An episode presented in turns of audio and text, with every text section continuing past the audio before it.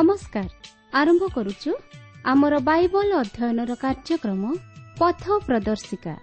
ପବିତ୍ର ବାଇବଲ କହେ ଯଦି ଆମ୍ଭେମାନେ ଆପଣା ଆପଣା ପାପ ସ୍ୱୀକାର କରୁ ତେବେ ସେ ଆମ୍ଭମାନଙ୍କର ପାପ କ୍ଷମା କରିବାକୁ ଓ ସମସ୍ତ ଅଧର୍ମରୁ ଆମ୍ଭମାନଙ୍କୁ ପରିଷ୍କାର କରିବାକୁ ବିଶ୍ୱସ୍ତ ଓ ନ୍ୟାୟବାନ ଅଟନ୍ତି। ଆସନ୍ତୁ ସେହି ଉଦ୍ଧାରକର୍ତ୍ତାଙ୍କର ପରିଚୟ ପାଇବା ନିମନ୍ତେ ଶୁଣିବା ବେତାର କାର୍ଯ୍ୟକ୍ରମ ପଥ ପ୍ରଦର୍ଶିକା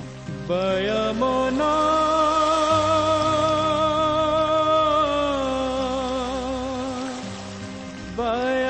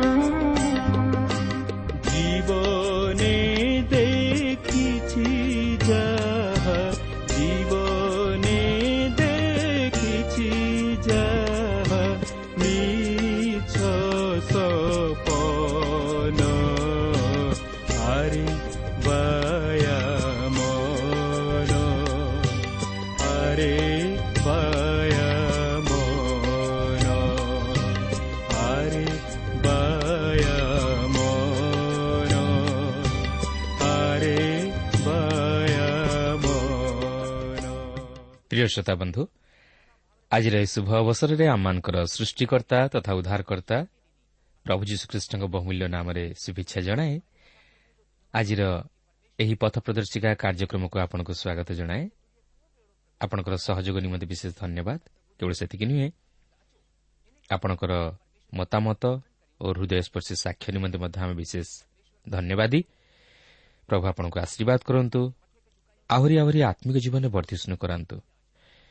ଆମର ଅନୁରୋଧ ଆପଣ ନିଜେ ଏହି କାର୍ଯ୍ୟକ୍ରମ ନିୟମିତ ଶୁଣିବା ସଙ୍ଗେ ସଙ୍ଗେ ଅନ୍ୟମାନଙ୍କୁ ମଧ୍ୟ ଶୁଣାଇବାରେ ସାହାଯ୍ୟ କରନ୍ତୁ ଆଉ ସେମାନଙ୍କୁ ଆମ ସହିତ ପତ୍ର ମାଧ୍ୟମରେ ଯୋଗାଯୋଗ କରିବା ନିମନ୍ତେ ଉତ୍ସାହିତ କରନ୍ତୁ। ଆସନ୍ତୁ ପ୍ରଭୁଙ୍କର ବାକ୍ୟ ମଧ୍ୟକୁ ଯିବା ପୂର୍ବରୁ ସଂକ୍ଷେପରେ ପ୍ରାର୍ଥନା କରିବା। ପବିତ୍ର ପ୍ରଭୁ ସ୍ୱର୍ଗବାସୀ ପିତା ଆମମାନଙ୍କର ଜୀବିତ ଈଶ୍ୱର ପ୍ରତିଜ୍ଞାରେ ବିଶ୍ୱସ୍ତ ପରମେଶ୍ୱର। ପ୍ରଭୁ ତୁମର ପ୍ରତିଜ୍ଞାଯୁକ୍ତ ବାକ୍ୟ ନିମନ୍ତେ ତୁମର ଧନ୍ୟବାଦ କରୁଅଛୁ। ପ୍ରଭୁ ତୁମର ବାକ୍ୟ ଆମମାନଙ୍କ ଜୀବନ ପାଇଁ ଶକ୍ତିଦାୟକ ସାନ୍ତ୍ୱନାଦାୟକ ବଳଦାୟକ ଭରସାଦାୟକ ତେଣୁ ପ୍ରଭୁ ଆଜି ଆମେ ତୁମର ବାକ୍ୟ ମଧ୍ୟ ଦେଇ ପ୍ରଭୁ ତୁମର ସ୍ୱର ଶୁଣିବା ପାଇଁ ଅପେକ୍ଷା କରୁଅଛୁ ପ୍ରଭୁ ତୁମେ ଆମମାନଙ୍କ ସହିତ କଥା କୁହ ପ୍ରତ୍ୟେକ ଶ୍ରୋତାବନ୍ଧୁମାନଙ୍କୁ ପ୍ରଭୁ ତୁମେ ଆଶୀର୍ବାଦ କର ପ୍ରତ୍ୟେକଙ୍କର ମନୋବାଞ୍ଛା ପ୍ରଭୁ ତୁମେ ପୂର୍ଣ୍ଣ କରି ତୁମେ ଗୌର ମହିମା ପୂଜା ପ୍ରଶଂସା ପାଅ ଏହି ସମସ୍ତ ପ୍ରାର୍ଥନା ଆମମାନଙ୍କର ଉଦ୍ଧାରକର୍ତ୍ତା ଜୀବିତ ପୁନରୁଦ୍ଧିତ ପ୍ରିୟ ପ୍ରଭୁ ଯୀଶୁଙ୍କ ନାମରେ ଏହି ଅଳ୍ପ ଭିକ୍ଷା ମାଗୁଅଛୁ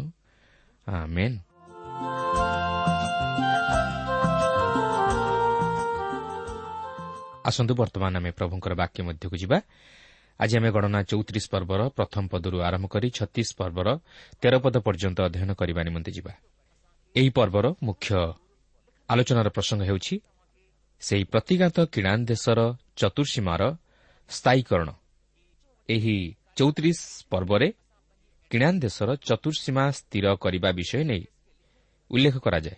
କାରଣ ଈଶ୍ୱର ସେମାନଙ୍କ ନିମନ୍ତେ ସେହି ଦେଶର ଚତୁଃସୀମା ମଧ୍ୟ ସ୍ଥିର କରିଥିଲେ। ଯେପରି ସେମାନଙ୍କ ମଧ୍ୟରେ ବସବାସ କରିବା ନେଇ ବିଶୃଙ୍ଖଳା ସୃଷ୍ଟି ନ ହୁଏ। କାରଣ ଈଶ୍ୱର ହେଉଛନ୍ତି ଆମର ଶୃଙ୍ଖଳାର ଈଶ୍ୱର।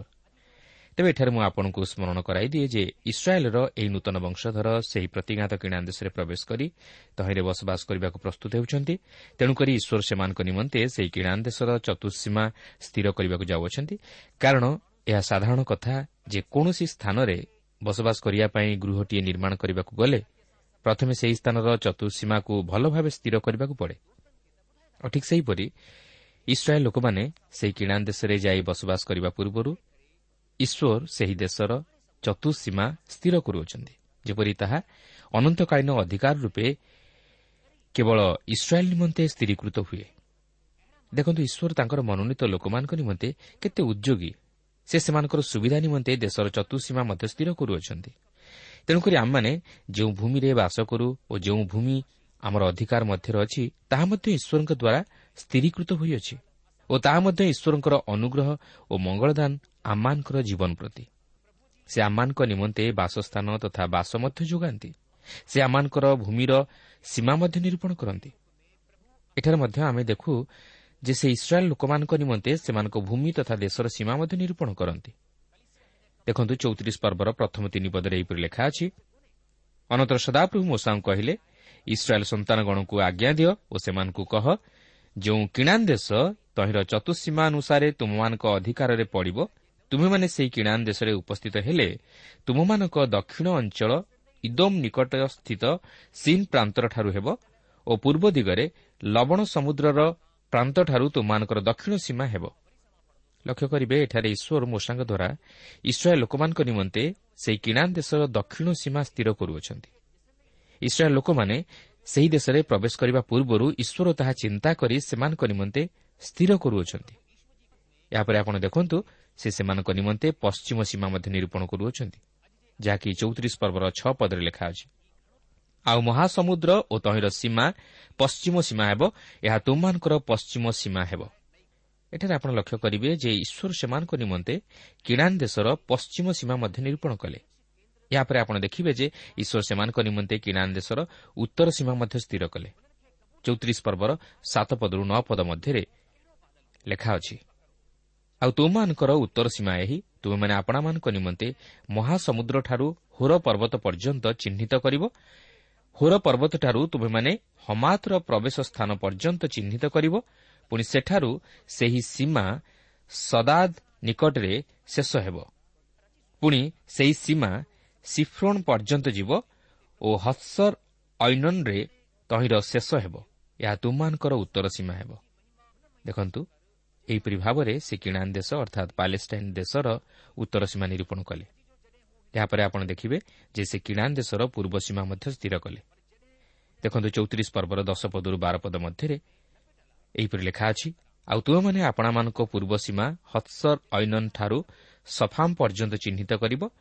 ତହୁଁ ସେହି ସୀମା ସଫାମ୍ଠାରୁ ଐନ୍ର ପୂର୍ବ ଦିଗ ହୋଇ ରିବ୍ଲା ପର୍ଯ୍ୟନ୍ତ ତଳକୁ ଯିବ। ତହିଁ ଉତ୍ତାରେ ସେହି ସୀମା ଆହୁରି ତଳକୁ ଯାଇ କିନ୍ନେରତ୍ ହ୍ରଦର ପୂର୍ବ ପାର୍ଶ୍ୱ ଦେଇଯିବ। ପୁଣି ସେ ସୀମା ଜର୍ଦ୍ଦନ ଦେଇଯିବ ଓ ଲବଣ ସମୁଦ୍ର ନିକଟରେ ତହିଁର ଶେଷ ହେବ। ଏହି ଚତୁର୍ସୀମା ଅନୁସାରେ ତୁମମାନଙ୍କର ଦେଶ ହେବ। ଲକ୍ଷ୍ୟ କରିବେ ଈଶ୍ୱର ସେମାନଙ୍କ ନିମନ୍ତେ କିନାନ୍ ଦେଶର ପୂର୍ବ ସୀମା ମଧ୍ୟ ନିରୂପଣ କଲେ। ତେଣୁ ଆପଣ ଲକ୍ଷ୍ୟ କରିବେ ଏହିପରି ଭାବରେ ଈଶ୍ୱର ସେମାନଙ୍କ ନିମନ୍ତେ କିଣାନ୍ ଦେଶର ଚତୁର୍ସୀମା ସ୍ଥିର କଲେ ଯେପରି ତାହା ଅନନ୍ତକାଳୀନ ଅଧିକାର ରୂପେ ଇସ୍ରାଏଲ୍ ସନ୍ତାନଗଣ ଅଧିକାର କରିବାକୁ ପାରନ୍ତି। ଲକ୍ଷ୍ୟ କରନ୍ତୁ ଈଶ୍ୱର ସେମାନଙ୍କ ବିଷୟରେ କେତେ ମନୋଯୋଗୀ ନ ଥିଲେ ସେମାନଙ୍କ ବସବାସରେ ଯେପରି କୌଣସି ପ୍ରକାର ଅସୁବିଧା ବା ବିଶୃଙ୍ଖଳା ନ ଉପୁଜେ ଏଥି ନିମନ୍ତେ ଈଶ୍ୱର ପୂର୍ବରୁ ତାହା ସ୍ଥିର କରିଦିଅନ୍ତି। କାରଣ ଇସ୍ରାଏଲ୍ ତାଙ୍କର ମନୋନୀତ ବଂଶ ଥିଲେ। କେବଳ ସେତିକି ନୁହେଁ ସେହି ଦେଶକୁ ଭାଗ ଭାଗ କରି ସେହି ଗୋଷ୍ଠୀମାନଙ୍କ ମଧ୍ୟରେ ଭାଗ କରିବା ନିମନ୍ତେ ଈଶ୍ୱର ଉପଯୁକ୍ତ ଲୋକମାନଙ୍କୁ ବାଛିଥିଲେ ଯେଉଁମାନେ କି କେବଳ ସେହି କାର୍ଯ୍ୟ କରିବା ନିମନ୍ତେ ଅଧିକାର ପାଇଥିଲେ। ଯାହାକି ଆମେ ଚୌତିରିଶ ପର୍ବର ଷୋହଳରୁ ଅଠର ପଦରେ ଲକ୍ଷ୍ୟ କରିବାକୁ ପାରୁ। ଅନନ୍ତର ସଦାପ୍ରଭୁ ମୂଷାଙ୍କୁ କହିଲେ ଯେଉଁମାନେ ଦେଶ ବିଭାଗ କରି ତୁମମାନଙ୍କୁ ଦେବେ ସେମାନଙ୍କର ନାମ ଏହି ଇଲିଆସର ଯାଜକ ଓ ନୁନର ପୁତ୍ର ଜିହସିଓ ପୁଣି ତୁମେମାନେ ଦେଶ ବିଭାଗ କରିବା ନିମନ୍ତେ ପ୍ରତ୍ୟେକ ବଂଶରୁ ଏକ ଏକ ଅଧିପତି ଗ୍ରହଣ କରିବ। ଏହି ଅଂଶରେ ଆପଣ ଲକ୍ଷ୍ୟ କରିବେ ଯେ ସେହି ଦେଶକୁ ସେମାନଙ୍କ ମଧ୍ୟରେ ଭାଗ କରି ବାଣ୍ଟି ଦେବା ପାଇଁ ମଧ୍ୟ ସେ ଉପଯୁକ୍ତ ଲୋକମାନଙ୍କୁ ନିଯୁକ୍ତ କରିଥିଲେ। ଏପରିକି ସେ ସେମାନଙ୍କ ନାମ ଧରି ସେମାନଙ୍କୁ ସେହି ଦାୟିତ୍ୱଭାର ଦେଇଥିଲେ। ସେହି ଚଉତିରିଶ ପର୍ବର ଉଣେଇଶ ପଦରୁ ଅଣତିରିଶ ପଦ ମଧ୍ୟରେ ସେହି ସମସ୍ତ ଅଧିପତିମାନଙ୍କର ନାମ ଉଲ୍ଲେଖ କରାଯାଇଅଛି। ତେବେ ତାହା ମୁଁ ପାଠ କରିବାକୁ ଚାହୁଁନାହିଁ କାରଣ ତାହା ପାଠ କରିବା ସମୟରେ ଆପଣ ବୋଧହୁଏ ଅଧୈର୍ଯ୍ୟ ହୋଇପଡ଼ିବେ ଯେହେତୁ ସେହି ଅଂଶରେ କେବଳ ସେହି ଅଧିପତିମାନଙ୍କର ନାମ ଉଲ୍ଲେଖ କରାଯାଇଅଛି। ତେବେ ସେ ଯାହା ହେଉନା କାହିଁକି ସେହି ସମୟରେ ଏହି ସମସ୍ତ ବିଷୟର ଗୁରୁତ୍ୱ ଯଥେଷ୍ଟ ଅଧିକ ଥିଲା। ତେଣୁକରି ଈଶ୍ୱର ଏହି ସମସ୍ତ ବିଷୟ ଶୃଙ୍ଖଳିତ ଭାବେ ଆୟୋଜନ କରିଥିଲେ ଯେପରି ଇସ୍ରାଏଲ୍ ଲୋକମାନେ ସେହି ପ୍ରତିଘାତ କିଣା ଦେଶରେ ପ୍ରବେଶ କରି ଶାନ୍ତି ତଥା ନିରାପଦରେ ଜୀବନଯାପନ କରିପାରନ୍ତି। କାରଣ ଏହି ଜାଗତିକ ଭୂମି ଲାଗି ଅନେକ ପ୍ରକାର ଗଣ୍ଡଗୋଳ ତଥା ଅଶାନ୍ତି ଉପୁଜିଥାଏ। ଆଜି ମଧ୍ୟ ଆପଣ ଲକ୍ଷ୍ୟ କରିବେ ଯେ ଖଣ୍ଡେ ଜମି ପାଇଁ କେତେ କ'ଣ ଘଟିଯାଉଛି। ହିଂସାକାଣ୍ଡଠାରୁ ନେଇ ଅଶାନ୍ତି ଗଣ୍ଡଗୋଳ ପ୍ରଭୃତି ଘଟିଯାଉଛି।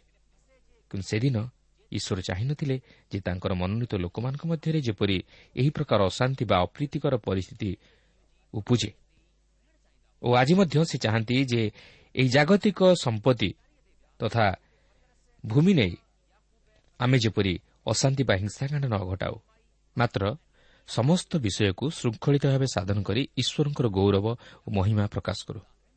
କାରଣ ସେ ହେଉଛନ୍ତି ଆମମାନଙ୍କର ପ୍ରତିକାରୀ ବିଶ୍ୱସ୍ତ ପରମେଶ୍ୱର। ସେ ଆମମାନଙ୍କ ଜୀବନ ନିମନ୍ତେ ଚିନ୍ତା କରି ଆମମାନଙ୍କୁ ବାସ ବସ୍ତ୍ର ଆହାର ଯୋଗାନ୍ତି।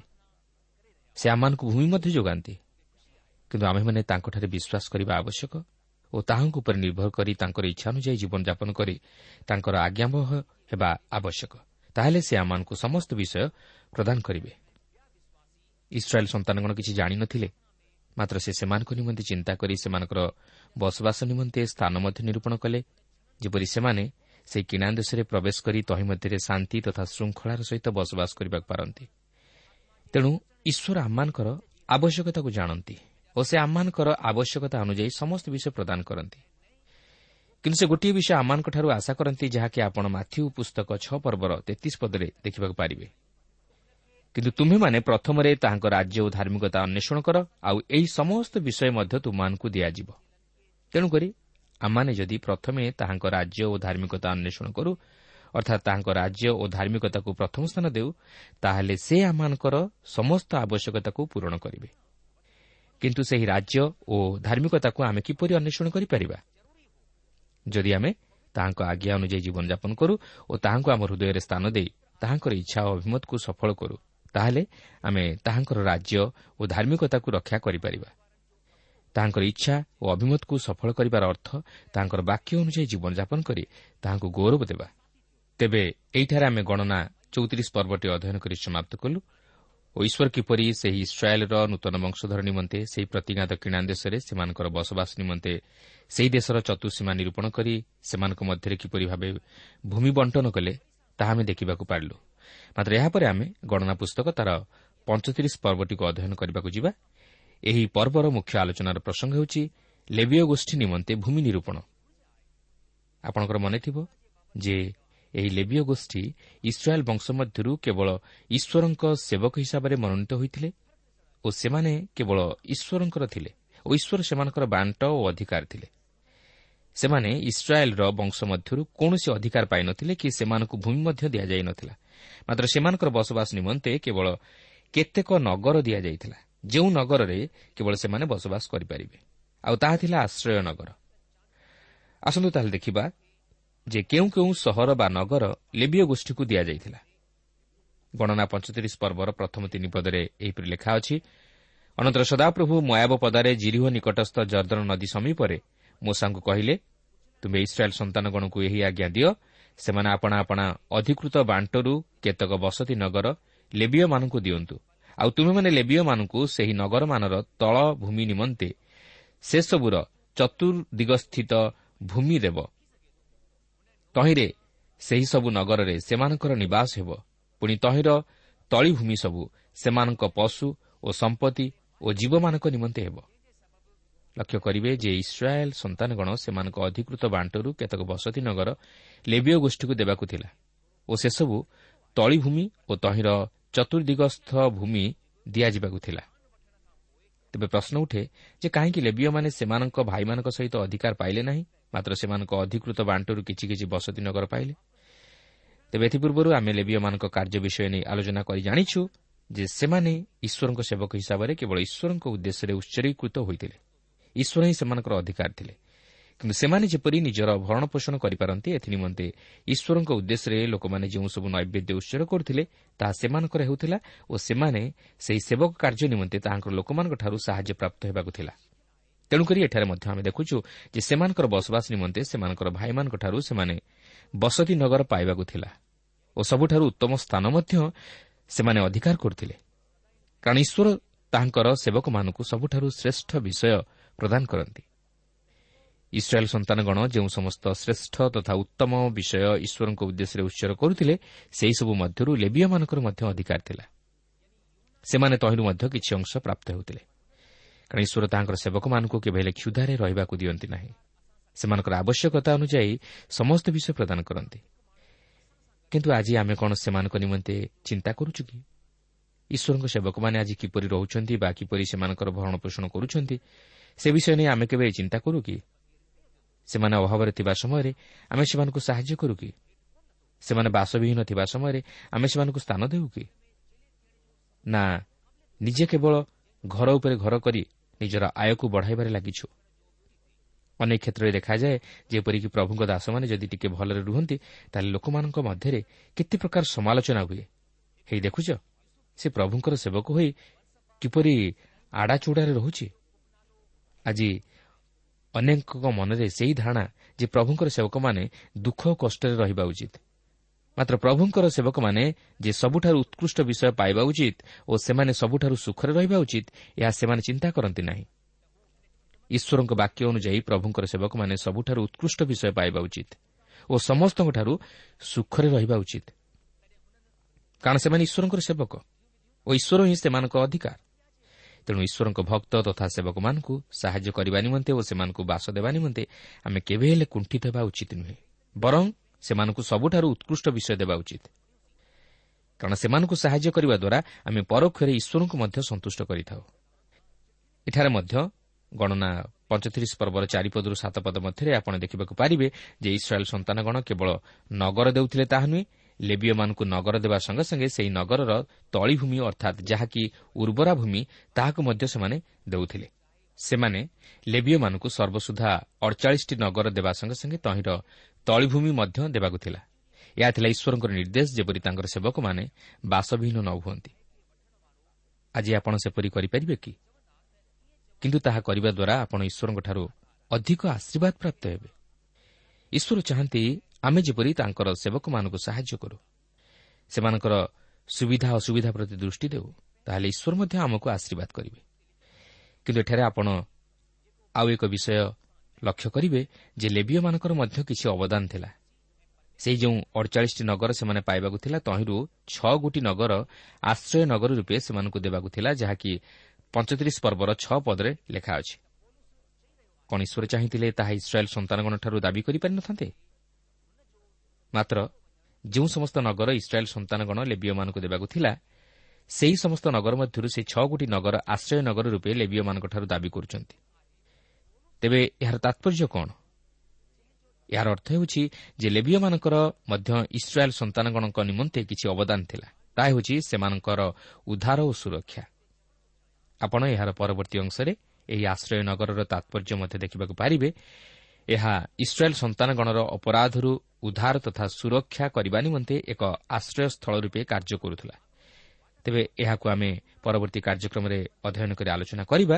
ମାତ୍ର ଏହି ଅଂଶରେ ମଧ୍ୟ ଆମେ ଦେଖିବାକୁ ପାରୁଛୁ ଯେ ଲେବିୟମାନେ ଯେ ପ୍ରଭୁଙ୍କର ସେବକ ହିସାବରେ କେବଳ ଅନ୍ୟଠାରୁ ସାହାଯ୍ୟ ପ୍ରାପ୍ତ ହେବାକୁ ଥିଲା ତାହା ନୁହେଁ ସେଥିସହିତ ଇସ୍ରାଏଲ୍ ସନ୍ତାନଗଣ ପ୍ରତି ସେମାନଙ୍କର ମଧ୍ୟ ଏକ ବିଶେଷ ଅବଦାନ ଥିଲା। ତାହା ହେଉଛି ସେମାନଙ୍କର ଉଦ୍ଧାର ଓ ସୁରକ୍ଷା।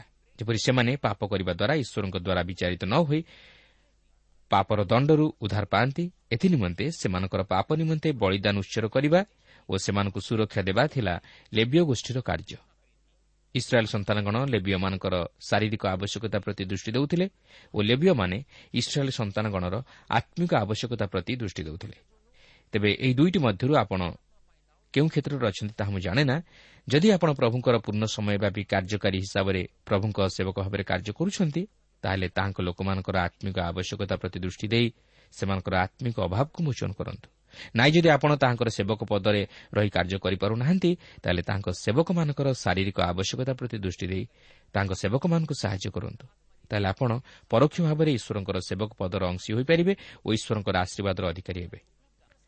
ବର୍ତ୍ତମାନ ଆମେ ଗଣନା ପୁସ୍ତକ ପଞ୍ଚତିରିଶ ପର୍ବର ନଅ ପଦରୁ ତେର ପଦ ମଧ୍ୟରେ ପାଠ କରି ସେହି ଆଶ୍ରୟ ନଗରର ବିଶେଷତ୍ୱକୁ ଜାଣିବା ନିମନ୍ତେ ଚେଷ୍ଟା କରିବା।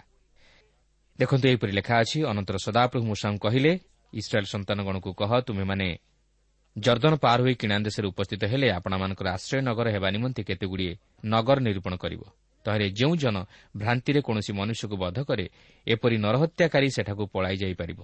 ପୁଣି ନରହତ୍ୟାକାରୀ ବିଚାରାର୍ଥେ ମଣ୍ଡଳୀ ସମ୍ମୁଖରେ ଉପସ୍ଥିତ ହେବା ପର୍ଯ୍ୟନ୍ତ ଯେପରି ନ ମରେ ଏଥିପାଇଁ ସେହି ନଗରମାନ ପ୍ରତିହନ୍ତାଠାରୁ ତୁମାନଙ୍କ ପ୍ରତି ଆଶ୍ରୟ ସ୍ଥାନ ହେବ। ଏହି ରୂପେ ତୁମେମାନେ ଯେ ଯେ ନଗର ଦେବ ତାହା ତୁମମାନଙ୍କ ନିମନ୍ତେ ଛଅ ଆଶ୍ରୟ ନଗର ହେବ। ଏହି ଅଂଶଟି ପାଠ କଲା ପରେ ଆପଣ ଦେଖିପାରୁଥିବେ ଯେ ଏହି ଆଶ୍ରୟ ନଗରର କାର୍ଯ୍ୟ କ'ଣ।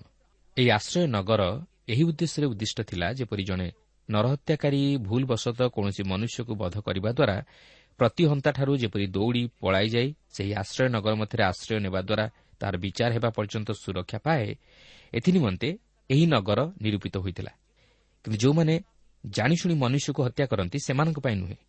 କିନ୍ତୁ ଏହି ନଗରଗୁଡ଼ିକ ଲେବିୟମାନଙ୍କ ଦ୍ୱାରା ପରିଚାଳିତ ହେବାକୁ ଥିଲା। ଲିବିୟମାନେ ଏହି ନଗରକୁ ପ୍ରତିଷ୍ଠିତ କରିବାକୁ ଥିଲା। ଯାହାକି ଚଉଦ ପଦରେ ଲେଖା ଅଛି। ଦେଖନ୍ତୁ ଲେବିୟମାନେ ତିନୋଟି ଆଶ୍ରୟ ନଗର ଜର୍ଦ୍ଦନ ନଦୀର ପୂର୍ବ ପାରିରେ ଓ ତିନୋଟି ଜର୍ଦ୍ଦନ ନଦୀର ପଶ୍ଚିମ ପାରିରେ ସ୍ଥାପନ କରିବାକୁ ଥିଲା। ଯେଉଁ ମନୁଷ୍ୟ ଭୁଲବଶତଃ କୌଣସି ମନୁଷ୍ୟକୁ ବଧ କରୁଥିଲା ସେ ସେହି ନଗରକୁ ଦୌଡ଼ି ପଳାଇଯାଇ ରକ୍ଷା ପାଇଯାଉଥିଲା ଓ ପରେ ତାହାର ବିଚାର କରାଯାଉଥିଲା। କିନ୍ତୁ ତାହାର ବିଚାର ହେବା ପର୍ଯ୍ୟନ୍ତ ସେ ତାହାର ପ୍ରତିହନ୍ତାଠାରୁ ରକ୍ଷା ପାଇଯାଉଥିଲା ପ୍ରିୟ ବନ୍ଧୁ ଆଜି ହୁଏତ ସେହିପରି ଆଶ୍ରୟ ନଗରମାନ ନାହିଁ ମାତ୍ର ପ୍ରଭୁ ଯୀଶୁଖ୍ରୀଷ୍ଟ ହେଉଛନ୍ତି ଆମମାନଙ୍କ ନିମନ୍ତେ ଆଶ୍ରୟ ନଗର। ଯାହାଙ୍କ ନିକଟରେ ଆଶ୍ରୟ ନେବା ଦ୍ୱାରା ଆମେ ଉଦ୍ଧାର ପାଇବା। ତେବେ ମୁଁ କହୁନାହିଁ ଯେ ଆମେ ଜଣେ ମନୁଷ୍ୟକୁ ଜାଣିଶୁଣି ବଦ୍ଧ କରି ପ୍ରଭୁ ଯୀଶୁଙ୍କ ନିକଟରେ ନିଜର ପାପ ସ୍ୱୀକାର କରିବା।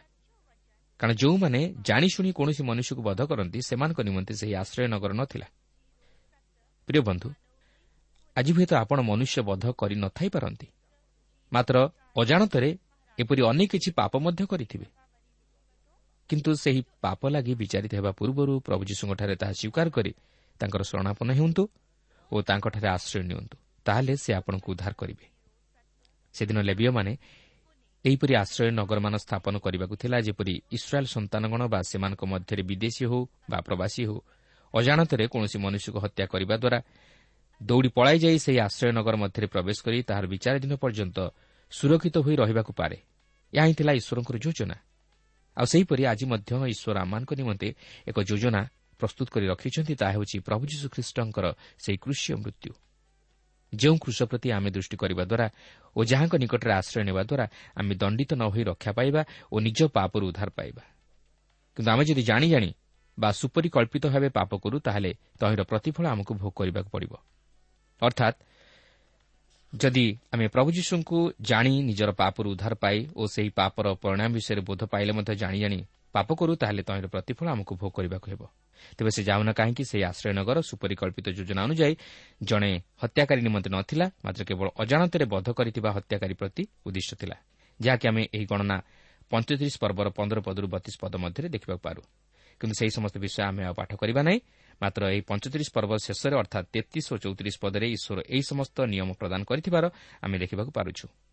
ତେବେ ଏହିଠାରେ ଆମେ ପଞ୍ଚତିରିଶ ପର୍ବଟି ଅଧ୍ୟୟନ କରି ସମାପ୍ତ କଲୁ। ଏହାପରେ ଆମେ ଗଣନା ପୁସ୍ତକର ଶେଷ ପର୍ବ ଅର୍ଥାତ୍ ଛତିଶ ପର୍ବଟି ଅଧ୍ୟୟନ କରିବାକୁ ଯିବା। ତେବେ ଏହି ପର୍ବଟିକୁ ଆମେ ସମ୍ପୂର୍ଣ୍ଣ ଅଧ୍ୟୟନ କରିବା ନାହିଁ ମାତ୍ର ଏହାର ମୁଖ୍ୟ ଅଂଶ ଉପରେ ଟିକେ ଦୃଷ୍ଟିପାତ କରିବା। ଏହି ପର୍ବରେ ଭୂମି ଅଧିକାର କରିବା ନେଇ ଈଶ୍ୱର କେତେକ ବ୍ୟବସ୍ଥା ପ୍ରଦାନ କରନ୍ତି କାରଣ ସେ ଆମମାନଙ୍କର ବସବାସ ନିମନ୍ତେ ଭୂମିକୁ ମଧ୍ୟ ସୁରକ୍ଷା କରନ୍ତି ଓ ଭୂମି ମଧ୍ୟ ଯୋଗାନ୍ତି। ଦେଖନ୍ତୁ ଏହି ଛତିଶ ପର୍ବରେ ସେହି ଭୂମି ବିଷୟ ନେଇ ଜୋସେଫ୍ ସନ୍ତାନଗଣର ପରିବାର ମଧ୍ୟରୁ କେତେକ ମୁଖ୍ୟମାନେ ଆସି ମୋଷାଙ୍କ ସମ୍ମୁଖରେ କେତେକ ସମସ୍ୟା ଉପସ୍ଥାପିତ କରିବାକୁ ଯାଇ କହୁଛନ୍ତି ଯଦି ସଲ୍ଫାଦରର କନ୍ୟାମାନେ ନିଜ ପିତୃବଂଶୀୟ କୌଣସି ବଂଶ ମଧ୍ୟରେ ବିବାହ ନ ହୋଇ ଇସ୍ରାଏଲ୍ ସନ୍ତାନଗଣର ବଂଶ ସମୂହର ସନ୍ତାନମାନଙ୍କ ମଧ୍ୟରୁ କାହାରି ସঙ্গে ବିବାହ କରନ୍ତି ତାହେଲେ ଆମମାନଙ୍କର ପୈତୃକ ଅଧିକାରରୁ ସେମାନଙ୍କ ଅଧିକାର କଟାଯିବ। ପୁଣି ସେମାନେ ଯେଉଁ ବଂଶରେ ଗୃହୀତ ହେବେ ସେହି ବଂଶର ଅଧିକାରରେ ତାହା ଯୁକ୍ତ ହେବ। ପ୍ରକୃତରେ ଏହା ଏକ ଜଟିଳ ସମସ୍ୟା ଥିଲା। ତେବେ ଜୋସେଫ୍ ସନ୍ତାନଗଣର ବଂଶଧର କାହିଁକି ଏପରି କହୁଛନ୍ତି ତାହା ଆପଣ ଜାଣିପାରୁଛନ୍ତି? ଯେହେତୁ ଇସ୍ରାଏଲ୍ ସନ୍ତାନଗଣର ଭୂମି ଏକ ବଂଶରୁ ଅନ୍ୟ ଏକ ବଂଶକୁ ଅର୍ଥାତ୍ ଏକ ବଂଶର ଅଧିକାରରୁ ଅନ୍ୟ ଏକ ବଂଶର ଅଧିକାର ମଧ୍ୟକୁ ଯେପରି ନ ଯାଏ ଏଥିପାଇଁ ଈଶ୍ୱର ସେହି ବ୍ୟବସ୍ଥା ନିରୂପଣ କରିଥିଲେ ଯାହାକି ଆମେ ଏଥିପୂର୍ବରୁ ପାଠ କରିସାରିଛୁ ତେଣୁ ଜୋସେଫ୍ ସନ୍ତାନଗଣର ବଂଶଧର ଏପରି କହିବାର ଉଦ୍ଦେଶ୍ୟ ହେଉଛି ଯେ ଯଦି ସଲ୍ଫାଦରର କନ୍ୟାମାନେ ନିଜର ପୈତୃକ ଅଧିକାର ପ୍ରାପ୍ତ ହୋଇଛନ୍ତି ତାହେଲେ ସେମାନେ ଯଦି ଇସ୍ରାଏଲ୍ ସନ୍ତାନଗଣର ବଂଶ ସମୂହର ସନ୍ତାନମାନଙ୍କ ମଧ୍ୟରୁ ଯଦି କାହାରି ସঙ্গে ବିବାହ କରନ୍ତି ତାହେଲେ ସେମାନଙ୍କର ସେହି ପୈତୃକ ଅଧିକାର ଅନ୍ୟ ବଂଶକୁ ଚାଲିଯିବ। ଫଳତଃ ଈଶ୍ୱରଙ୍କ ବ୍ୟବସ୍ଥା ଲଙ୍ଘନ ହେବ। କାରଣ ଏଥିପୂର୍ବରୁ ଇସ୍ରାଏଲ୍ ମଧ୍ୟରେ କନ୍ୟାମାନେ ପୈତୃକ ସମ୍ପତ୍ତିର ଅଧିକାରୀ ହେବେ ବୋଲି ବ୍ୟବସ୍ଥାରେ ନଥିଲା। କିନ୍ତୁ ସେହି ସଲ୍ଫାଦରର ପୁତ୍ର ସନ୍ତାନ କେହି ନଥିବାରୁ ସେହି କନ୍ୟାମାନେ ନିଜ ପୈତୃକ ସମ୍ପତ୍ତିର ଅଧିକାରୀ ହେବେ ବୋଲି ଈଶ୍ୱର ସେହି ବିଧି ନିରୂପଣ କଲେ। ତେବେ ଲକ୍ଷ୍ୟ କରନ୍ତୁ ସେହି ସମସ୍ୟାର ସମାଧାନ କରିବାକୁ ଯାଇ ମୋଷା ସେମାନଙ୍କୁ କି ଉତ୍ତର ଦେଉଛନ୍ତି? ଦେଖନ୍ତୁ ଗଣନା ଛତିଶ ପର୍ବର ଛଅ ପଦରୁ ନଅ ପଦରେ ଲେଖା ଅଛି ସଦାପ୍ରଭୁ ସଲ୍ଫାଦରର କନ୍ୟାମାନଙ୍କ ବିଷୟରେ ଏହି ଆଜ୍ଞା ଦେଉଅଛନ୍ତି ସେମାନେ ଯେଉଁମାନଙ୍କୁ ଅତି ଭଲ ବିଚାର କରନ୍ତି ସେମାନଙ୍କୁ ବିବାହ ହେଉନ୍ତୁ କିନ୍ତୁ କେବଳ ସେମାନେ ଆପଣା ପିତୃବଂଶୀୟ କୌଣସି ବଂଶ ମଧ୍ୟରେ ବିବାହ କରିବେ ତାହା କଲେ ଇସ୍ରାଏଲ୍ ସନ୍ତାନଗଣର ଅଧିକାର ଏକ ବଂଶରୁ ଅନ୍ୟ ବଂଶକୁ ଯିବ ନାହିଁ। ଇସ୍ରାଏଲ୍ ସନ୍ତାନଗଣ ପ୍ରତ୍ୟେକ ଆପଣା ଆପଣା ପୈତୃକ ବଂଶର ଅଧିକାର ମଧ୍ୟରେ ରହିବେ ପୁଣି ଇସ୍ରାଏଲ୍ ସନ୍ତାନଗଣ ପ୍ରତ୍ୟେକ ଯେମନ୍ତ ଆପଣା ଆପଣା ପୈତୃକ ଅଧିକାର ଭୋଗ କରିବେ ଏଥିପାଇଁ ଇସ୍ରାଏଲ୍ ସନ୍ତାନଗଣର କୌଣସି ବଂଶ ମଧ୍ୟରେ ଯେଉଁ କନ୍ୟାର ଅଧିକାର ଥାଏ ସେ ଆପଣା ପିତୃବଂଶୀୟ ପରିବାର ମଧ୍ୟରେ ଜଣକର ଭାର୍ଯ୍ୟା ହେବ। ତହିଁରେ ଏକ ବଂଶରୁ ଅନ୍ୟ ବଂଶକୁ ଅଧିକାର ଯିବ ନାହିଁ ମାତ୍ର ଇସ୍ରାଏଲ୍ ସନ୍ତାନଗଣର ବଂଶ ସମୂହ ପ୍ରତ୍ୟେକ ଆପଣା ଆପଣା ପୈତୃକ ଅଧିକାର ମଧ୍ୟରେ ରହିବେ। ଦେଖନ୍ତୁ ମୂଷା ସେମାନଙ୍କୁ କିଭଳି ଉତ୍ତର ଦେଉଛନ୍ତି। ଏଠାରେ ମୂଷାଙ୍କର କହିବାର ଉଦ୍ଦେଶ୍ୟ ହେଉଛି ଯେ ସଲ୍ଫାଦରର କନ୍ୟାମାନେ ଯେପରି ଆପଣା ପିତୃବଂଶୀୟ କୌଣସି ବଂଶ ମଧ୍ୟରେ ବିବାହ କରନ୍ତି ଓ ନିଜର ପୈତୃକ ଅଧିକାରକୁ ସେମାନଙ୍କ ନିଜ ବଂଶ ମଧ୍ୟରେ ରକ୍ଷା କରନ୍ତି। ଏହାର କାରଣ ହେଉଛି ଯେ ଇସ୍ରାଏଲ୍ ଗୋଷ୍ଠୀ ମଧ୍ୟରେ ସେମାନଙ୍କର ପ୍ରତ୍ୟେକଙ୍କର ବଂଶାନୁଯାୟୀ ସେମାନଙ୍କର ଭୂମି ନିଜ ନିଜ ବଂଶ ମଧ୍ୟରେ ହିଁ ସେମାନଙ୍କ ଅଧିକାର ମଧ୍ୟରେ ରହିବାକୁ ଥିଲା। କିନ୍ତୁ କୌଣସି ଲୋକ ଯେପରି ତାହାର ନିଜ ଅଧିକାରକୁ ଅନ୍ୟ ବଂଶର ଅଧିକାର ମଧ୍ୟରେ ଯିବାକୁ ନ ଦିଏ ଏଥିନିମନ୍ତେ ଈଶ୍ୱର ଦୃଢ଼ ରୂପେ ଆଜ୍ଞା ଦେଇଥିଲେ। ଏହାପରେ ଛତିଶ ପର୍ବର ତେର ପଦରେ ଲେଖା ଅଛି ସଦାପ୍ରଭୁ ଜିରୁଅ ନିକଟସ୍ଥ ଜର୍ଦ୍ଦନ ସମୀପରେ ମୟା ପଦାରେ ମୋସାଙ୍ଗ ଦ୍ୱାରା ଇସ୍ରାଏଲ୍ ସନ୍ତାନଗଣ ପ୍ରତି ଏହି ସମସ୍ତ ଆଜ୍ଞା ଓ ଶାସନ ଆଦେଶ କରିଥିଲେ। ପ୍ରିୟ ବନ୍ଧୁ ସେହି ପ୍ରଭୁଙ୍କଠାରେ ବିଶ୍ୱାସ କରି ଯଦି ଆମେ ଚାଲିବା ତାଙ୍କର ବାକ୍ୟର ବାଧ୍ୟ ହେବା ତାହେଲେ ଆମେ ତାଙ୍କର ଆଶୀର୍ବାଦର ଅଧିକାରୀ ହୋଇପାରିବା।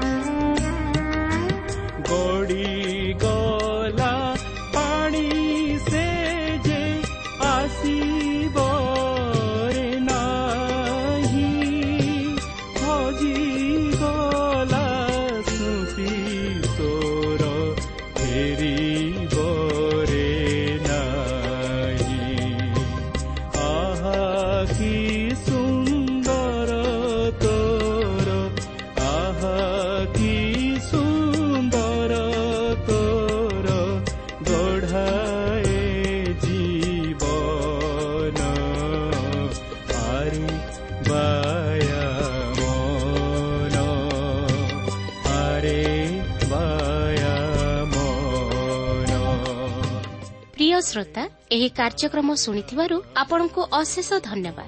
ଏହି କାର୍ଯ୍ୟକ୍ରମ ଆପଣଙ୍କୁ କିପରି ଲାଗିଲା ଓ କେଉଁ ବିଷୟଟି ଆପଣଙ୍କ ହୃଦୟକୁ ଅଧିକ ସ୍ପର୍ଶ କରିଛି ତାହା ଲେଖି ଜଣାଇଲେ ଆମେ ବିଶେଷ ଉପକୃତ ହେବୁ। ଯଦି କିଛି ପ୍ରଶ୍ନ ବା ସନ୍ଦେହ ଥାଏ ତାହା ପତ୍ର ମାଧ୍ୟମରେ ଅଥବା ଟେଲିଫୋନ୍ ଯୋଗେ ଆମକୁ ଜଣାନ୍ତୁ। ଆମର ଠିକଣା ପଥ ପ୍ରଦର୍ଶିକା Trans World Radio India post box number ତିନି ତିନି ଭୁବନେଶ୍ୱର ସାତ ପାଞ୍ଚ ଏକ ଶୂନ ଶୂନ ଏକ। ଟେଲିଫୋନ୍ ନମ୍ବର ଶୂନ ଛଅ ସାତ ଚାରି ଦୁଇ ତିନି ଶୂନ ଶୂନ ତିନି ତିନି ପାଞ୍ଚ ଠିକଣାଟି ଆଉଥରେ ଶୁଣନ୍ତୁ ପଥ ପ୍ରଦର୍ଶିକା Trans World Radio India post box number three three Bhubaneswar seven five one zero zero one telephone number zero six seven four two three zero zero three three five ଆମର ଇମେଲ୍ ଆଡ୍ରେସ୍ଟି ଲେଖି ରଖନ୍ତୁ Odia TTV at radio eight eight two dot com. ତେବେ ଆଜି ପାଇଁ ଏଠାରେ ରଖୁଛୁ। ନମସ୍କାର।